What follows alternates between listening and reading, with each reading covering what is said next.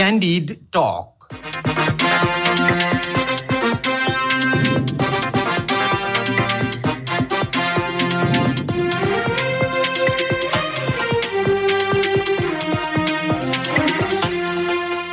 नमस्कार क्यान्डिड टकमा तपाईँलाई स्वागत छ। म धीरज बस्नेत। रेडियो क्यान्डिडको प्रस्तुति कार्यक्रम क्यान्डिड टक तपाईँले शनिबार बाहेक हरेक दिन बिहान साढे छ बजेबाट सात बजेसम्म आधा घन्टा सुन्दै आइरहनु भएको छ। समसामयिक विषयमा कुराकानी हुने यो कार्यक्रम तपाईँले काठमाडौँ उपत्यका र आसपासका जिल्लामा बयानब्बे दशमलव सात मेगाहर्जमा रेडियो क्यान्डिडको आधिकारिक फेसबुक पेजमा हाम्रो पात्रोमा रेडियो क्यान्डिडको एप्स डाउनलोड गरेर र पोडकास्टमा समेत सुन्न सक्नुहुन्छ। आफ्नो पार्टीका मन्त्रीलाई फिर्ता बोलाएर नयाँलाई मन्त्री परिषदमा पठाउने एकीकृत समाजवादीको निर्णय तत्काल थातिरहने भएको छ। एकीकृत समाजवादीका मन्त्रीको हेरफेरले अन्य दलमा पनि असर गर्ने र असन्तुष्टि बढेर वार्षिक बजेट नै पारित गर्न गाह्रो हुने देखिएपछि सत्ता गठबन्धनका नेताहरू पछि हटेका हुन्। बजेट पारित नभए सरकार अल्पमतमा पर्छ। बजेट पारित भएपछि मात्रै मन्त्री परिषद हेरफेर गर्ने सरकारको तयारी छ। तर एकीकृत समाजवादीले मन्त्रीहरू हेरफेर गर्न खोज्दै गर्दा जनता समाजवादी पार्टीभित्र पनि मन्त्री हेरफेरको आवाज चर्किएको छ। मन्त्री तत्काल हेरफेर गर्नका लागि नेतृत्वलाई दबाब दिने काम भइरहेको छ। एकीकृत समाजवादीले मन्त्री हेरफेरको निर्णय गर्दा जनता समाजवादी पार्टीभित्र उत्पन्न भएको तरङ्ग के हो? र सरकारमा रहेका मन्त्रीहरू फेरबदलका लागि पार्टीभित्र चलिराखेको बहसका विषयमा आज हामी जनता समाजवादी पार्टीका सांसद प्रमोद शाहसँग विशेष कुराकानी गर्दैछौँ। शाहजी यहाँलाई स्वागत छ क्यान्डी टकमा। धन्यवाद। सबैभन्दा पहिला चाहिँ सरकार हेरफेरका विषयमा अहिले निकै चर्चा चलिरहेको छ। यद्यपि यो बजेट पास नहुँदासम्मलाई रोकियो त्यसपछि फेरि अगाडि बढ्ला। तपाईँहरूको पार्टीभित्र चाहिँ मन्त्री हेरफेरका विषयमा चर्चा बहस कसरी अगाडि बढिरहेको छ? होइन अहिले पार्टीमा त्यस्तो कुनै आधिकारिक निर्णय पनि आएको छैन होइन? त्यो कुनै मन्त्री चेन्ज गर्ने कुरामा कुनै बहस पनि भएको छैन होइन? त्यसले गर्दा अब भित्रभित्र साथीहरूलाई होला तर अहिले त्यस्तो कुनै आधिकारिक चाहिँ बहस भएको अवस्था छैन। तर अब फेरिने मन्त्रीमा र जाने भनेको नयाँ बन्ने मन्त्रीमा एउटा नाम तपाईँको पनि आइराखेको छ।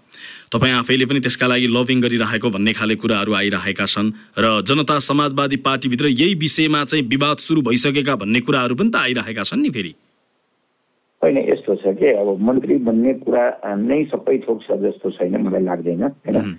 र जहाँसम्म मेरो लभिङको कुरा छ मैले लभिङ कहाँ गर्नुपर्ने हो होइन? त्यो पार्टीले निर्णय गर्नुपर्ने हो होइन? पार्टीले स्वाभाविक छ शीर्ष नेतृत्वलाई जिम्मेवारी दिएकै छ विगतमा पनि होइन? अब यतिखेर होइन बजेट सत्र चलिरहेको अवस्था छ बजेट विधेयकहरू माथि छलफल भइरहेको अवस्था छ।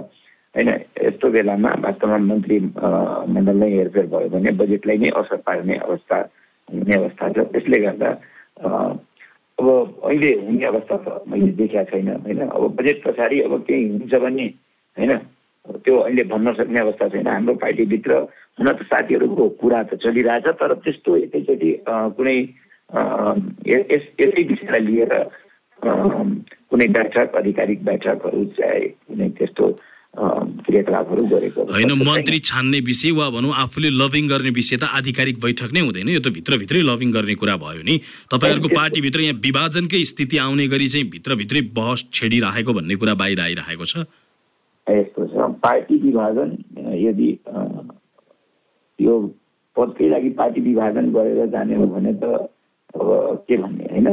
अनि फेरि मधेसवादी दलहरूमा यो त फेरि छाताछुल्लो भएको विषय हो नि त। एकपटक होइन दुई पटक होइन धेरै पटक यसरी पदकै लागि पार्टी फुटेको इतिहास त मधेसमा फेरि धेरै छ।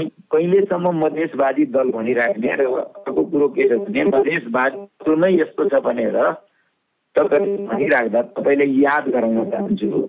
नेपाल कम्युनिस्ट पार्टी एमालेकै प्रधानमन्त्री झलनाथ खनाल हुँदाखेरि होइन उहाँलाई हटाउन कत्रो प्रयास भएको थियो र माधव नेपाल माधव नेपाल तत्कालीन अवस्थामा प्रधानमन्त्री भएको अवस्थामा छ महिना राजनामा दिएर पनि छ महिना महिना बसिराख्दा पनि आफ्नै पार्टीका नेताहरूले सरकार बनाउन सकेका थिएन र काङ्ग्रेस टुटेको थियो त्यतिखेर त्यो सरकारमै जानेका लागि थियो नीतिगत कुरालाई लिएर कुनै पनि पार्टी फुटेको हुँदैन। यो सबै जति पनि पार्टी अहिलेसम्म फुटेका छ अहिले समाजवादी पार्टी होइन? भएको छ। त्यो एकीकृत समाजवादी पार्टी पनि यो सरकारमै जानको लागि फुटेको हो होइन? त्यसले गर्दा मधेसवादी पार्टी नै यस्तो हुन्छ भन्ने कुरा गर्नु नै गलत हो। नि नैतिकता र नियत सबैको त्यस्तै त्यस्तै छ। यो देशमा एउटा नीतिगत कुरालाई लिएर होइन? वैचारिक कुरालाई लिएर पार्टीको आधिकारिक कुनै निर्णयलाई लिएर पार्टी फुटेको धेरै कमै हेरेको छु। हुन त भन्न चाहिँ त्यही भन्छ तर चाहिँ वास्तविकता त्यो हुँदैन होइन? त यो यो सबै पार्टीमा त्यस्तै हुन्छ के? यो मधेसवादी अब अब हाम्रो पार्टी अब सतहत्तर जिल्लामै अहिले चुनाव लडेको अवस्था तपाईँले देख्नुभयो। तर पनि अहिले होइन मधेसी अध्यक्ष हुने बित्तिकै मधेसवादी पार्टी तर पहाडी अध्यक्ष भएपछि पहाडी पार्टी तपाईँहरूले कहीँ पनि भनिराख्नु भएको हुँदैन होइन? त्यो त भन्नुपर्छ नि त पहाडी पार्टी नेपाली कङ्ग्रेस भनेको पहाडी पार्टी। एमाले भनेको पहाडी पार्टी तपाईँहरूको उदय क्षेत्रीय दलका हिसाबले भएकोले त्यो भनियो होला त्यसमा कुनै त्यत्रो। ठुलो मधेसी र पहाडी भनेर विभेद गर्नुपर्ने कुरा छैन छ तर यस्तो छ नि यो यो भन्ने जुन अहिले अहिलेसम्म यो चलिरहेछ के यो कस्तो छ भने म म जहाँबाट यद्यपि विषयान्तर नगरौँ मैले तपाईँसँग प्रष्ट रूपमा जान्न खोजेको के भने जनता समाजवादी पार्टीभित्र मन्त्री हेरफेरको विषयलाई निकै पेचिलो ढङ्गले बहस चलिराखेको छ र त्यो बहस भित्र भित्रभित्र कसैले चलाइरहेको होला त्यो कुरा छुट्टै छ होइन? भित्रभित्र अब मिटिङ गरिरहेको होला कोठे मिटिङ भइरहेको होला कुनै होटलमा मिटिङ भइरहेको होला त्यो त्यो कुरा आधिकारिक हुँदैन होइन? अब त्यो सांसद भएपछि त इच्छा आकाङ्क्षा हुन्छ नि सांसद भएपछि मन्त्री बन्ने इच्छा आकाङ्क्षा हुन्छ होइन? अब त्यसको लागि दुई चारजना बसी पनि राख्या होला होइन? त्यो खासै त्यो मायने राख्दैन होइन? आफू चाहिँ त्यो दौडमा हुनुहुन्न? छैन म। तर तपाईँ माथि के आरोप लागेको छ भने मन्त्री बन्नकै लागि अघिल्लो पटक तपाईँ खास गरी राजपामा रहनु भएको र पछि राजेन्द्र महतो र महन्त ठाकुरको पार्टी भनेको लोकतान्त्रिक समाजवादी बन्दा त्यता नगर यता रहनु पछाडि चाहिँ उपेन्द्र यादवले तपाईँलाई मन्त्री बनाइदिन्छु भनेर आश्वासन दिएकै कारण तपाईँ बस्नु भएको भन्ने आरोप आक्षेप तपाईँमाथि लागेको छ तपाईँलाई याद गराइदिउँ। मन्त्रीमण्डल निर्माण भए पश्चात पनि म राजपामै थिएँ। है तपाईँलाई याद छैन भने म जानकारी गराइदिउँ तपाईँलाई होइन? मन्त्री हो इच्छा सांसद भएपछि मन्त्री बन्ने इच्छा हुँदैन। म जितेको ठाउँ भनेको एउटा विकट ठाउँ हो जहाँ कल्पना पनि गर्न सक्दैन। सर्लाही है, क्षेत्र नम्बर एकबाट जित्नु भयो क्या अरे? सर्लाही क्षेत्र नम्बर एकबाट जितेको जहाँ कल्पना पनि गर्न सक्ने। हाम्रो पार्टीको त्यहाँ चारवटा वाडा अध्यक्ष उन्चासवटा वाडामा चारवटा वाडा अध्यक्ष जितेको थियो। एउटा पनि पालिका जितेको थिएन त्यो ठाउँमा सांसद म थिएँ एक महिना पछाडि गरिरहेको मेरो घर पनि छैन त्यहाँ होइन? त्यसले गर्दा पार्टीले निश्चित रूपमा कुन ठाउँ कहाँको लागि यदि मन्त्रीमण्डलमा दिँदाखेरि एउटा पार्टीको लागि हित नहुन्छ त्यो कुरा सोच्नुपर्ने थियो। तर सोचिएन। नसोचिए पनि मैले पार्टी छोडेको अवस्था कहाँ थियो र? मैले पार्टी छोडिदिएको थिएँ त्यतिखेर? छोडेन। हो। पार्टीगत नीतिगत कुरामा जब जब कुरा बाजियो र सर्वोच्च अदालतले जब फैसला गर्यो होइन? जसपा भनेको उपेन्द्र यादव मैले सुरुदेखि नै भन्दै थिएँ होइन? आधिकारिक जुन पार्टी हुन्छ त्यो त्यो त्यहाँ म बस्छु। भनेपछि यदि मोहन ठाकुरसँग भएको पार्टीलाई आधिकारिकता त्यतिखेर जसपा मोहन ठाकुरसँग हुन्थ्यो भने म मोहन ठाकुरसँगै हुन्थेँ है? तर जसपा त्यहाँ भएन के? म जसपा पार्टीको सांसद थिएँ। त्यसले गर्दा होइन लोकसभा पार्टीको म सांसद थिएन। म जसपा पार्टीको सांसद विजयी। त राजपाबाट हुनुभयो हो नि व्यक्ति व्यक्ति राजपा राजपा त्यो दिन छुट्टै थियो त्यो बित्यो। त्यो राजपालाई जसपा बनाउने ती नेताहरू नै हुनुहुन्थ्यो होइन? त्यसले गर्दा राजपाको एउटा छुट्टै पार्ट थियो। त्यो पार्ट राजपा र समाजवादीको कुरा थियो त्यतिखेर है? त्यो समाजवादी र जस राजपा मिलेर जसपा बनेको हो।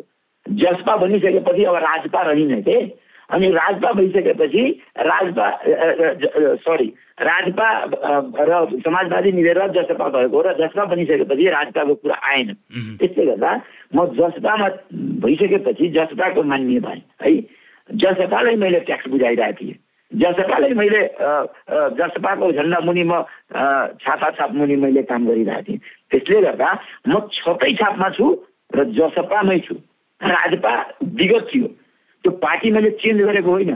पार्टी परिवर्तन गरेको होइन। हो कुनै व्यक्ति त्यो ठाउँमा आएर फेरि अर्को पार्टी खोल्या होला। त्यो व्यक्तिसँग म नगए होला। तर मैले पार्टी चेन्ज गरेको छैन।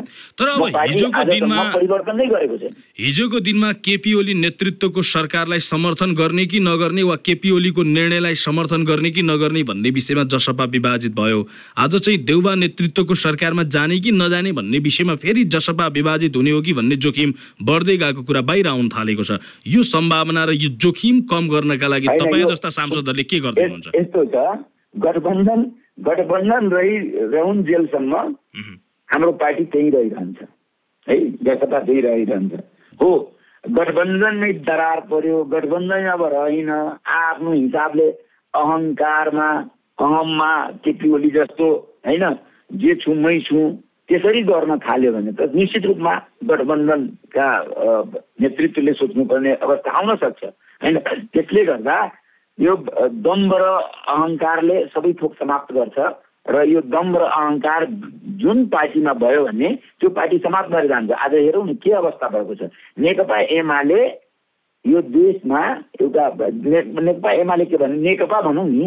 एउटा एउटा ठुलो शक्तिशाली एसियाकै सबैभन्दा शक्तिशाली पार्टी बनेर आएको थियो नि त होइन? तर अहङ्कारले दम्बले र एउटा भनौँ नि एउटा पार्टीको नेतृत्वलाई तह लगाउने कुराले समाप्त भयो नि। त्यसले गर्दा पार्टी नेतृत्वलाई पार्टीका नेतालाई समाप्त गर्ने गरी काम गर्यो भने कुनै पनि पार्टीमा र अहङ्कार र दम्बले काम गर्न सुरु गर्यो भने कुनै पनि पार्टीमा त्यस्तो हुन सक्छ। र आज अब आजको अवस्था के छ? आज सन्तानब्बेवटा मान्य अ, लिएर बसिराख्नु भएको छ जहाँ जहाँ कि दुई तिहाई बहुमत थियो नि त नेकपा को तत्कालीन अवस्थामा होइन? है वाम गठबन्धन पछाडि पार्टी नै बन्यो नि। होइन? त्यो त्यो त्यो के हुन्छ भने अहिले पनि नेपाली कङ्ग्रेस पार्टीका नेतृत्वले होइन? गठबन्धन जहाँ जहाँ नेपाली कङ्ग्रेसको अवस्था के थियो आजभन्दा एक वर्ष पहिला? तपाईँ सोच्नुहोस् न। र यी नेताहरू कहिलेकाहीँ नेतृत्वको के मतलब स्टेटमेन्ट आइरहन्छ नि अस्सी पर्सेन्टवालाले बिस पर्सेन्टवालालाई बोक्दैन तर त्यही बिस पर्सेन्टवालाले गर्दा आज तपाईँ अस्सी पर्सेन्टवालाहरू त्यो कुर्सीमा बसेर बसिराख्नु भएको छ र आज सत्ताको साँचो तपाईँको हातमा परेको छ। त्यसले गर्दा यस्ता जुन टिप्पणीहरू होइन जुन आइरहेका हुन्छ बेला बेलामा त्यसले गर्दा गठबन्धनलाई दरार पार्ने अविश्वासको वातावरण सिर्जना हुने होइन र एक अर्कोप्रति मतलब नचाहिने शब्दहरूको प्रयोग गर्ने भन्ने कुरा हुन्छ र यस्तो कुराहरू नेतृत्व शीर्ष नेतृत्वले गर्नु चाहिँ हुँदैन। तर शीर्ष नेतृत्वले यस्तो कुरामा हो अब गाउँ गाउँ अ, पालिकाका नगरपालिकाका नेतृत्वले बोलेको कुरा त खासै फरक पर्दैन। तर शीर्ष नेतृत्वले गठबन्धनलाई लक्षित गरेर गठ- गठबन्धनलाई प्रभाव पार्ने गरी गठबन्धनलाई तोड्ने गरी कसैले कुरा गर्यो भने त्यो कदापि पनि गठबन्धनका मित्रहरू गठबन्धनका नेतृत्वले स्वीकार्दैन। यो भन्नुको अर्थ चाहिँ गठबन्धनप्रति असन्तुष्टि जनाउनु भएको कि पार्टी नेतृत्वलाई चेतावनी दिनुभएको? होइन यो एकातिरबाट भन्ने हो भने यो गठबन्धनलाई टिकाउनको निम्ति यो कुरा मैले भनिरहेको छु। यो गठबन्धनका कुनै पनि शीर्ष नेतृत्वले गठबन्धनको विरुद्धमा कुरा गरेर अगाडि बढ्यो भने त्यो कदापि पनि गठबन्धनको लागि राम्रो हुँदैन। र गठबन्धनले यद्यपि अब मैले मैले यसलाई अलिकति तपाईँलाई अलिक कसिलो उत्तरको लागि मैले आग्रह गरेँ। खासमा जस्तो चाहिँ तपाईँहरूले गठबन्धन गर्नुभयो तपाईँहरू पाँच दल बीच गठबन्धन भयो र स्थानीय निर्वाचनमा जानुभयो स्थानीय निर्वाचन सँगसँगै तपाईँहरूले एक खालको नतिजा प्राप्त गर्नुभयो त्यो नतिजाबाट चाहिँ जनता समाजवादी पार्टी सन्तुष्ट छ कि छैन? होइन यस्तो छ कस्तो भयो भने हामी सब दिन हाम्रो हाम्रो संस्कार नै त्यही हो। हामी जुन कुराको एग्रिमेन्ट गर्छौँ जुन कुराको मतलब सम्झौता गर्छौँ त्यो कुरामा अडिग भएर अगाडि बढ्छौँ। हाम्रो पार्टीको र खास गरेर यो पार्टीमा लाग्ने साथीहरूको नेचर पनि त्यही हो। जसरी हामीले जहाँ जहाँ गठबन्धन भएको छ त्यहाँ इमान्दारीपूर्वक हामीले काम गरेर जसरी वीरगञ्ज महानगरपालिकाको कुरा गर्ने हो त्यहाँ नेपाली कङ्ग्रेससँग गठबन्धन भएको छ। उपमेयर नेपाली कङ्ग्रेसले लिनु भएको छ मेयर हामीले लिएका छौँ होइन? त्यहाँ हाम्रो रिजल्ट कस्तो आयो? दुई मुन्ना भन्दा बढी मतले हामी चुनाव जितेको होइन र होइन? तर काङ्ग्रेसको साथीको पनि त्यसै अनुसार त्यहाँ हामीले मत दिएका छौँ। तर त्यही कुरा हामीले विराटनगरमा हेर्ने हो भने के गरेका छ त? है जनकपुरमा हेर्ने हो भने के गरेका छ त? अन्य ठाउँमा पनि हेर्ने हो भने के के गरेका छ? भन्ने कुरो यो चाहिँ अ, द्वैत चरित्र भयो के? तपाईँहरूलाई गठबन्धनबाट गठबन्धनबाट तपाईँहरूलाई घात भयो भन्न खोज्नु भएको हो विगतमा भएको हो त्यो कुरालाई हामीले भनिरहेछौँ। गठबन्धनका हाम्रा मित्रहरूलाई त्यो कुरा भनिरहेछौँ। कि अब गठबन्धनबाट तपाईँहरूलाई तपाईँ- घात भयो। स्थानीय निर्वाचनमा गठबन्धन खास फलदायी भएन भन्ने तपाईँहरूको निष्कर्ष हो भने। अब गठबन्धनमा बसिरहने कि छाड्ने त त्यसो नि।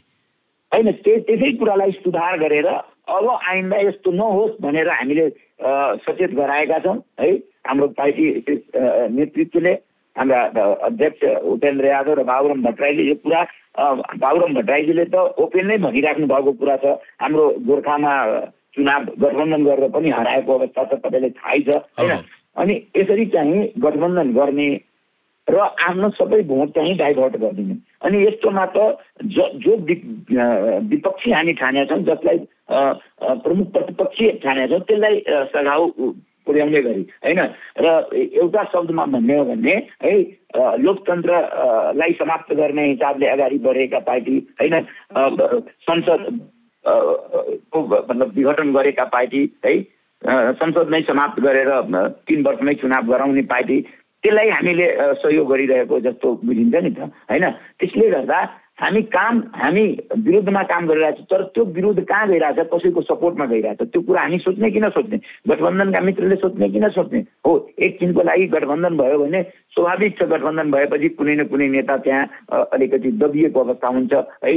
र सबैलाई लाग्छ चुनाव लडेपछि म चुनाव जित्नेवाला छु है? अब चुनाव लडेपछि त हार- हार्छ जित्छ त्यो कुरा छुट्टै छ तर लाग्छ। त्यस्तो। र काङ्ग्रेसका साथीहरूलाई त्यस्तो लाग्यो होला है।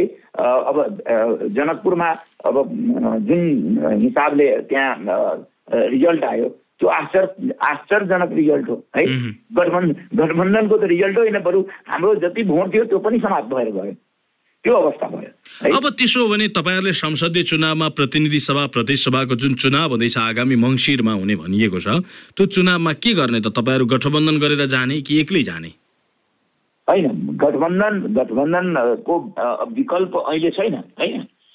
मैले भने नि गठबन्धनका मित्रहरू खास गरेर नेतृत्व गर्ने पार्टीहरू शीर्ष ने- नेतृत्वहरूले एक अर्कोलाई सम्मान गर्ने गरी एक अर्कोको अस्तित्वलाई स्वीकार्ने गरी र एक अर्कोलाई कुनै यो भनौँ नि चुनावको गतिविधिमा कुनै प्रभाव नपार्ने गरी काम गर्यो भने अहिलेदेखि गर्यो भने होइन? एक अर्कोको अस्तित्व स्वीकार्ने गरी काम गर्यो भने गठबन्धन नै हामीले जान खोजेका छौँ भनेको सम्मानजनक सिट बाँडफाँड हुनु पर्यो र एकले अर्काको आत्मसम्मानमा ठेस नलाग्ने गरी चाहिँ गतिविधि भयो भने तपाईँहरूले। सहज रूपमा अगाडि बढ्न सजिलो हुन्छ भन्ने तपाईँहरूको गल्ती विगतमा भयो त्यो गल्तीलाई सच्याउने गरी है। विगतमा भएका गल्ती कमी कमजोरी जो छ किनभने गल्ती कमी कमजोरीले पाठ सिक्ने हो होइन। त्यो गल्ती कमी कमजोरीलाई लिएर मात्रै अगाडि बढ्ने हो भने त्यो कसैको लागि पनि हितकर हुँदैन। त्यसले गर्दा गल्ती कमी कमजोरी हुन्छ मानवसँग नै हुन्छ मनुष्यसँग नै हुन्छ। तर गल्ती कमी कमजोरी भयो भन्ने रीतिकै सबै थोक समाप्त भयो भन्ने होइन। हो गल्ती कमी कमजोरीलाई स्वीकार गरेर फेरि आउने दिनमा त्यस्ता कमी कमजोरी गल्ती नहोस् र यसलाई सच्याएर अगाडि बढ्नु पर्छ भन्ने हिसाबले गयो भने निश्चित रूपमा गठबन्धनबाट नै हामी अगाडि बढ्न चाहेका छौँ मैले अर्को पाटो प्रवेश गर्न चाहे तपाईँसँग खास गरी मध्य प्रदेशको सांसद भएको हैसियतले मैले यो प्रश्न गरेको हुँ। निजगढ अन्तर्राष्ट्रिय विमानस्थल जसलाई रोक्नका लागि अर्थात् निर्माण प्रक्रिया सबै रद्द गर्नका लागि सर्वोच्च अदालतले आदेश दिएको छ। यो आदेशप्रति तपाईँ मध्य प्रदेशको एउटा सांसदको हैसियतले यो आदेशलाई कसरी लिनुभएको छ र यसका विषयमा तपाईँको टिका टिप्पणी कतै सुन्न पाइएन के हो खास तपाईँको धारणा? तपाईँ तपाईँ सुन्नु भएन होला म हाउसमै यो कुरा बोलेको छु है? त्यो सर्वोच्च अदालतले गर्नेको निर्णय जुन छ त्यसलाई मैले स्वागत गरेको छु। कुनै मान्यले गरेको छैन मैले गरेको छु सर्वोच्च अदालतको निर्णय। किनभने एकातिर हामी पर्यावरणलाई जोगाउनुपर्छ वातावरणलाई ठिक राख्नुपर्छ अक्सिजनको कमी भइरहेछ विश्व नै अब यस मारमा परेको अवस्था छ होइन? भन्ने कुरा एकातिर छ भने अर्कोतिर चाहिँ होइन? पाँच लाखदेखि चौबिस लाख बिरुवा काटेर होइन? जङ्गल मासेर होइन? अन्तर्राष्ट्रिय विमानस्थल बनाउनु भनेको म त यो यो कुरा जतिखेर निजगढ विमानस्थलको कल्पना गरिरहेको थिएँ त्यतिखेर मैले यो विरोध गरेको। म त्यतिखेर जिल्ला अध्यक्ष थिएँ है सर्लाही जिल्लाको। कि यो यो जुन भइरहेछ त्यो राम्रो कुरो भइरहेको छैन र विमानस्थलबाट निजगढमा विमानस्थल बन्दाखेरि तपाईँलाई केही घाटा हुन्छ र? होइन घाटाको कुरो छैन। मैले के भने भने निजगढ विमानस्थल बनाउनु पर्छ भनेर त्यो रुखै काटेर किन बनाउनु? यो रुख नकाटी त विकास कसरी हुन्छ? त्यसो भने बाटो बनाउन बन्द गरिदिनु पर्यो नि? त। बाटो त रुख नकाटी कसरी बन्छ र? म म एउटा कुरा के भन्छु भने मैले भने अस्ति तपाईँ सुन्नु भएन भने आजभन्दा आठ सात आठ दिन पहिला मैले यही विषयमा बोलेको छु निर्गत विमानस्थलकै विषयमा बोलेको छु होइन? मैले के भने भने यो जति तपाईँले जानकारी गराउनको निम्ति मैले किनभने तपाईँले यो विषयमा मलाई. लाग्छ मात्रै तपाईँ मिडियामा सुनेको कुरा मात्रै तपाईँले हामीले बोलेको कुरा सुन्नु भएको छैन। यो के छ भने सर्वोच्च अदालतले गरेको फैसला संसद पुनः स्थापन गरिदियो भने यो ठिक है? संसद पुनः स्थापना गर्नु यो ठिक। अनि सर्वोच्च अदालतले यो निर्गत विमानस्थलको फुल बेन्चको फैसला गर्नु बेठिक यो कसरी मिल- मिल्ने कुरा तर? पनि त्यस पछाडिको आधार र प्रमाणहरू हुन्छ नि जस्तो मैले भन्न। खोजेको सामान्यतया जानकारीको लागि म भन्दैछु तपाईँले जानकारी छैन भने यसको इआई रिपोर्ट हुन्छ है त्यो त्यो रिपोर्ट तपाईँको कुनै मतलब सिँचाइ मन्त्रालयको कि कसको यो कपी पेस्ट गरेर त्यहाँ हालेको हो. इआई रिपोर्ट अ, यदि यदि गरेको हो भने रिपोर्ट नै ठिक छ भने त्यो त्यो कसरी सिँचाइ मन्त्रालयको कपी पेस्ट त्यहाँ गयो त्यहाँ अदालतमा आइरहेछ त्यो। तपाईँले जानकारी छैन भने त्यो कुरा. बुझ्नु होला है? र अर्को कुरो म तपाईँले के भन्दैछु भने त्यहीँनिर किन गर्नु पर्यो? त्यो जङ्गल काटेरै किन गर्नु पर्यो? निर्गत विमानस्थल बनाउनु पर्यो भने? त्यो इआई रिपोर्ट गलत छ भने सर्वोच्चले भनिसकेको अवस्था छ र त्यसको विकल्प पनि खोज्न भन् भन्नुभएको छ सर्वोच्चले है? सर्वोच्चको फुल बेन्चको फैसला हो। तपाईँ एकातिर कानुनी राज्यको कुरा गर्ने अर्कोतिर चाहिँ सर्वोच्चले गरेको कुरा आदेश चाहिँ नमान्ने है? र सरकारले यो यतिखेरको बजेटमा पनि त्यो ल्याउन मिल्छ बजेट ल्याउन मिल्छ? सर्वोच्चले फैसला र फेरि सरकारले बजेट ल्याउन मिल्छ? एकातिर सरकारले न्यायपालिकाको विरोध गरेको होइन? तपाईँहरूकै सरकार हो क्यारे त? अब सरकारले सरकार गलत एउटा कुरा तपाईँ मेरो बारेमा जानकारी छैन भने म आफै मन्त्री भएर पनि त्यस्तो कुरा भयो भने म विरोध गरिदिएँ उम्. तपाईँ म सरकारमा छु भन्ने बित्तिकै एउटा गलत कुरा नि एउटा सरकारको गलत गलत कामको त्यसको विकल्पमा हामीले भनेको थियौँ पहिल्यै भनेको थियो यो भइरहेको थियो त्यतिखेर नै भनेको थियो। त्यसको विकल्पमा तपाईँको सर्लाहीको मूर्तियामा होइन. साढे चार हजार हेक्टर जमिन त्यहाँ त्यतिकै खाली भएर बसिरहेको अवस्था छ। केही न सबै रुखसुख काटेर त्यो कहिले न कहिले समाप्त पारिसकेको अवस्था छ। र त्यो जग्गा जमिन अहिले पनि अरूले प्रयोग गरिरहेको छ। बिस मिनटको बाटो छ त्यो निजगढ ए भनेको निजगढमा होइन सर्लाहीमा बनाउनु पर्छ भनेर तपाईँले निजगढ विमानस्थलको विरोध गर्नु भएको होइन होइन। सर्लाहीमा बनाउनु पर्छ भनेर होइन त्यसको विकल्प हो। त्यहाँ रुख नकाट्नु पर्ने हो र त्यहाँ पाँच लाखदेखि चौबिस लाख रुख काट्नु पर्ने हो. है? एकातिर हामी त्यो के भन्छ जलवायु परिवर्तनको निम्ति हामीले अर्बौँ रुपियाँ हामीले राखिरहेको अवस्था छ सरकारले. जलवायु परिवर्तनमा जे हेर्नुभयो यो वर्षको बजेट हेर्नु भएको छैन भने हेर्नुहोस् अहँ. अर्को एकातिर राखेको अवस्था छ भने अर्कोतिर चाहिँ जलवायु परिवर्तन त्यसलाई प्रभाव पार्ने गरी हामीले रुख बिरुवा काट्ने काम हामीले गऱ्यौँ भने एकातिर हामी जे गर्दा पनि जङ्गलको काम गर्ने। अर्कोतिर चाहिँ पर्यावरण जोगाउनु पर्छ वातावरण स्वच्छ पार्नुपर्छ है। अनि यो कुरा दोहोरो दोहोरो चरित्र कहिलेसम्म? यो दोहोरो चरित्रले काम काम त चल्दैन त्यसको विकल्पमा अरू कुनै ठाउँ छ भने दिनुहोस् न त्यो रुख नकाट्ने गरी।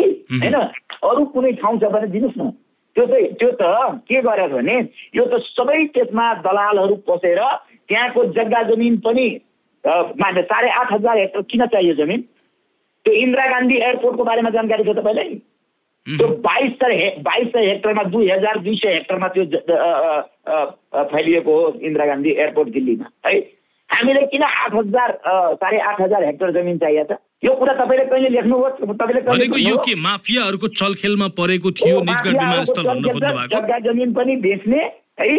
जग्गा जमिन पनि कौडीको भाउमा बेच्ने र सबै जङ्गल काटेर त्यो सबै त्यो काठहरू त्यो कौडीको भाउमा बेच्ने र त्यहाँ त्यहाँ त्यहाँ त ठुलो खेल भएको छ नि। त्यहाँ तपाईँको जग्गा जमिनमा ठुलो खेल भएको छ र त्यहाँ तपाईँको धेरै जस्तो यो करोडपति अरबपतिहरूले त्यहाँ जग्गा जमिन किनिसकेको अवस्था छ। तपाईँले जानकारीको लागि भने. हो। भनेको जस्तो अदालतले जे फैसला गर्यो त्यो ठिक छ र वातावरण संरक्षणका हिसाबले पनि र कुनै पनि हालतमा सरकारले यदि बनाउन खोज्यो भने पनि मानहानि मुद्दा लाग्छ। सरकारलाई लाग्दैन मुद्दा। सर्वोच्चको विरोधमा काम गर्यो भने सरकार के? सरकार आज जो सरकार बनेको छ त्यो सर्वोच्च अदालतकै आदेशमा बनेको होइन र त्यो पुनर्स्थापन संसद पुनर्स्थापन नभएको भए के यो सरकार बन्थ्यो र?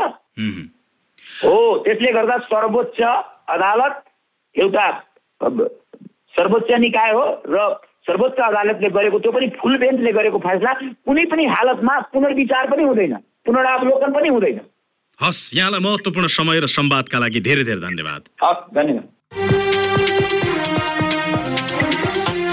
आजको कार्यक्रममा जनता समाजवादी पार्टीका सांसद प्रमोद शाहसँग कुराकानी गर्यौं हौस् त क्यान्डिटकको यो अङ्क आजलाई यति नै। प्रविधि संयोजनका लागि सृजना भुजेललाई धन्यवाद। कार्यक्रमबाट म धीरज बस्नेत बिदा माग्छु। रेडियो क्यान्डिड सुन्दै गर्नुहोला। नमस्कार।